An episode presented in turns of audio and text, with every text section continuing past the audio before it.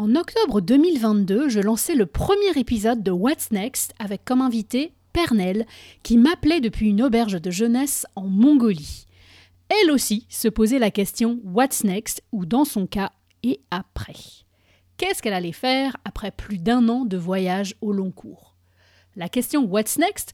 ou la poursuite d'une trajectoire de vie professionnelle et personnelle prend différentes formes. Dans mon cas, What's Next, c'était quoi faire quand on a bossé pendant des années dans le tourisme et qu'on décide de faire autre chose sans vraiment avoir un plan bien stable prévu d'avance?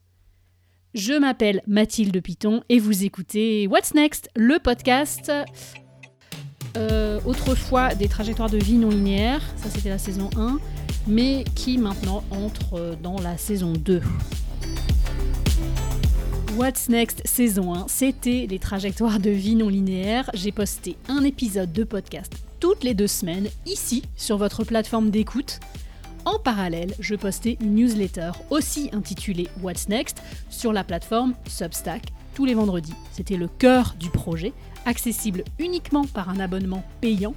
C'est comme ça que ce projet existait, par l'engagement financier et aussi euh, émotionnel, je dirais, des lectrices et des lecteurs. Le podcast, c'est le compagnon de la newsletter, la version euh, gratuite et ouverte aux témoignages de mes invités qui me racontent leur propre parcours. Ce projet devait durer un an et je suis arrivée au bout de cette année, fin septembre 2023. Cet épisode, c'est l'épilogue de cette saison 1 de What's Next, le récap du podcast. Et euh, dans cet épisode également, je vous donnerai le programme de la suite, la saison 2. Plutôt que de vous faire un récap des 25 épisodes de podcast, même si j'avoue c'est ce que j'avais euh, commencé à écrire, mais ça devenait interminable, je voulais vous dire ce que j'avais retenu de ces conversations avant de vous présenter l'objet de la saison 2 qui débute très bientôt. Ces podcasts étaient des conversations avec euh, mes amis, des proches, des connaissances d'Internet. Alors moi je suis pas journaliste, je suis autrice, exploratrice et créatrice de contenu j'ai fait appel aux gens de mon entourage élargi pour m'aider à y voir plus clair. Les personnes avec qui j'ai parlé m'ont fait dézoomer de mes propres difficultés dans cette période de transition personnelle et professionnelle que je vivais. Pour rappel, cette question What's Next, c'est une copine, Cécile, que j'ai également interviewée, qui me l'a posée quelques jours après la revente de ma petite entreprise dans le tourisme à Boston. Alors, ça pourrait sembler être une super affaire d'avoir fait ça, et ça l'était, honnêtement. J'étais ravie que Boston le nez en l'air se termine comme ça pour moi. L'entreprise existe toujours, mais je suis plus euh, gérante. Sauf que bah, j'avais pas du tout anticipé la suite. Honnêtement, j'en étais incapable. Ma fille, à l'époque, avait à peine 6 mois. On était à l'automne 2021. C'était encore un peu le marasme de la fin de pandémie. Les frontières avec l'Europe, parce que moi je vis aux États-Unis, n'étaient pas encore réouvertes. La pandémie, un an et demi plus tôt, elle avait complètement mis à l'arrêt euh, toutes mes activités professionnelles. Je n'étais pas la seule, hein, évidemment, là-dedans. Euh, mes activités professionnelles, qui étaient à la fois dans le tourisme et dans l'écriture de contenu euh, sur les voyages. Je fais quoi next? C'était vraiment la grosse interrogation. Et en fait, j'ai répondu à cette question semaine après semaine dans ma newsletter que vous avez suivie en nombre, qui a fait écho pour vous sur certains aspects, peut-être pas tous les aspects, mais cette question de la poursuite de carrière. Dans le podcast, je parlais à des gens qui ont eu affaire à cette question et qui ont répondu euh, à leur manière, à un certain moment de leur vie. En leur posant les questions que je me posais et qui me chagrinaient, comme la question redoutée Qu'est-ce que tu fais dans la vie? Alors, t'en es où en ce moment? Tu travailles sur quoi? Ben, En fait, ça m'a donné de la perspective. En écoutant leur propre parcours, leurs propres réponses. Voir comment elles ou ils avaient euh, progressé dans leur vie professionnelle, dans l'assurance de savoir qu'on peut faire ce qu'on aime ou qu'on peut combiner différentes activités, euh, même gagner sa vie. Après tout, je fais partie de cette génération milléniale à qui on a rabâché les oreilles que choisis ta passion, tu travailleras plus un jour de ta vie. Je pense que c'est à la fois une énorme arnaque, mais j'y crois. j'y crois quand même. Au fil de ces 25 épisodes de podcast What's Next saison 1, on a parlé de carrière et de travail. Évidemment, c'était l'objet principal. Euh, par moments, j'étais super inspirée. Je ressortis de certaines conversations. J'avais envie de, tout bouffer. J'avais envie de. Je sais pas, j'étais hyper motivée de me lancer dans mes propres trucs. Alors, être inspirée, c'est un mot galvaudé. Franchement, c'est quand même l'effet que ça m'a fait. J'étais inspirée. Ça m'a redonné du souffle à une période de ma vie où je me sentais surtout embourbée. au fil de ces 25 épisodes de podcast, What's Next saison 1. On a parlé aussi des mots du travail, M-A-U-X. Les mots euh, du travail, c'est souvent des déclics du changement. Pas seulement, il n'y a pas que ça comme déclic, mais ça peut l'être. on a parlé du burn-out, on a parlé du harcèlement au travail, du bore-out aussi. Euh, difficile d'en parler dans une société euh, suractive. On a parlé aussi de l'anxiété sociale, ça c'était avec JB dans l'épisode 25. On a parlé d'alignement avec les valeurs de son entreprise et de son métier, ça c'était Valérie dans l'épisode 24, entre autres. Il a aussi été beaucoup question de gens qui vivent à l'étranger, États-Unis, Mexique, Allemagne, Écosse, parce que finalement, ça c'est ma réalité aussi. Hein. Moi je vais aux États-Unis depuis plus de 12 ans. Et j'ai envie de savoir comment des personnes qui ont dû partir de leur pays d'origine, bah, comment elles se sont réinventées, ou alors comment le mot aussi est un peu fort et inventé, mais comment ces personnes ont prolongé leur élan de carrière, parfois avec des épisodes de creux. Ça, c'était en partie l'histoire de Marie dans l'épisode 16, ou alors des moments, euh, au contraire, de grande ébullition créative. Ça, c'était l'épisode d'Élise, le 18, quand elle a fondé son entreprise dans le tourisme à New York. On a aussi beaucoup parlé de travail passion. Euh, je dois avouer que sur 25 épisodes, il y a une surreprésentation du travail de guide touristique. Ça, c'était Sarah dans l'épisode 9 en Écosse, Elise que je viens de citer dans l'épisode 18, et puis moi dans l'épisode bonus, le 23. Alors l'épisode bonus, c'est un épisode qui est euh, accessible uniquement pour les abonnés. Et euh, j'avoue que c'est à la fois un petit argument pour vous dire allez, venez écouter mon épisode, euh, il est super sympa. Et en même temps, je me protège, je me mets derrière la barrière du payant, parce que c'est pas si facile que ça de se raconter moi, je me raconte sur Internet depuis plus de dix ans, je raconte des voyages, mais ça me met pas vraiment en danger.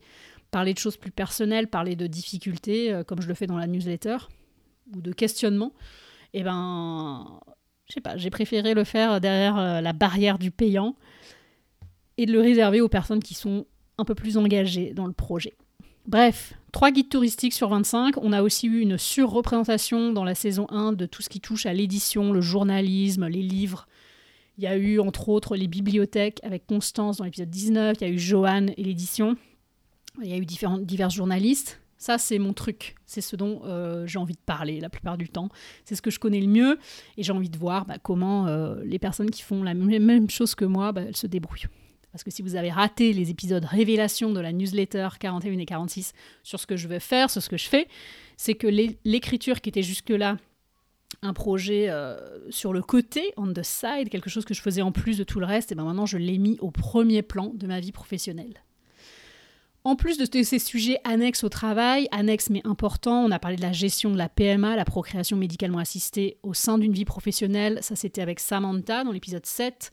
On a parlé de la reprise du travail après un enfant, ça c'était avec Laura dans l'épisode 6. Ça c'est aussi des sujets que j'aborde dans la newsletter. Il y a eu l'argent, je crois qu'on en a parlé dans tous les épisodes. Comment on gagne sa vie quand on entreprend, quand on a un métier passion, quand on recommence dans un nouveau pays. Mais on a surtout parlé d'argent avec Héloïse Boll d'Osaïe et compagnie dans l'épisode 15, puisque c'est son métier. Elle est conseillère en patrimoine. Voilà, ça c'est un peu mon wrap-up, mon résumé de la saison 1, les trajectoires de vie non linéaires. J'espère que ça vous a donné, euh, vous, à vous aussi, de l'inspiration, de la motivation, de l'encouragement, de la réflexion ça vous a aussi donné un peu de perspective. En tout cas, ce sont les retours que j'ai sur ma newsletter, des personnes qui ont lu ou écouté mes textes, parce que tous mes textes dans la version euh, sur Substack sont aussi lus. Et c'est ce qu'on ce qu'on m'a dit. Ça m'a aidé, ça fait écho à ma situation, etc. Même sans exactement vivre la même chose. Alors, avant de vous annoncer la suite et de vous parler de la saison 2, j'ai une chose à vous demander, si vous ne l'avez pas encore fait, c'est de mettre des étoiles à ce podcast sur votre app d'écoute.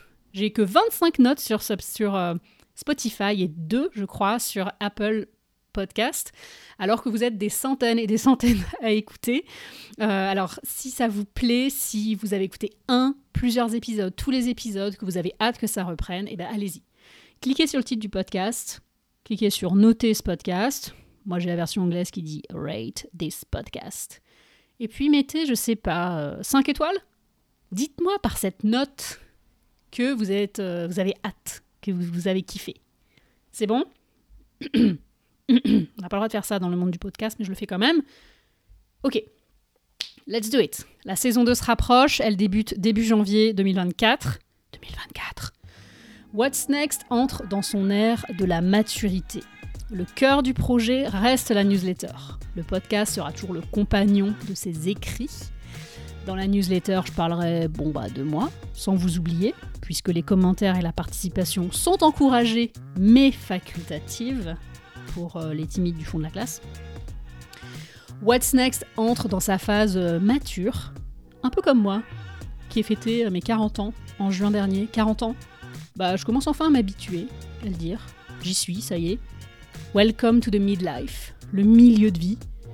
J'ai envie de parler de ça. J'ai envie de m'adresser à celles et ceux qui y arrivent comme moi, qui sont dans la trentaine, la fin de la trentaine, 40, 41. Ceux qui sont en plein dedans, ceux qui sont déjà passés par là.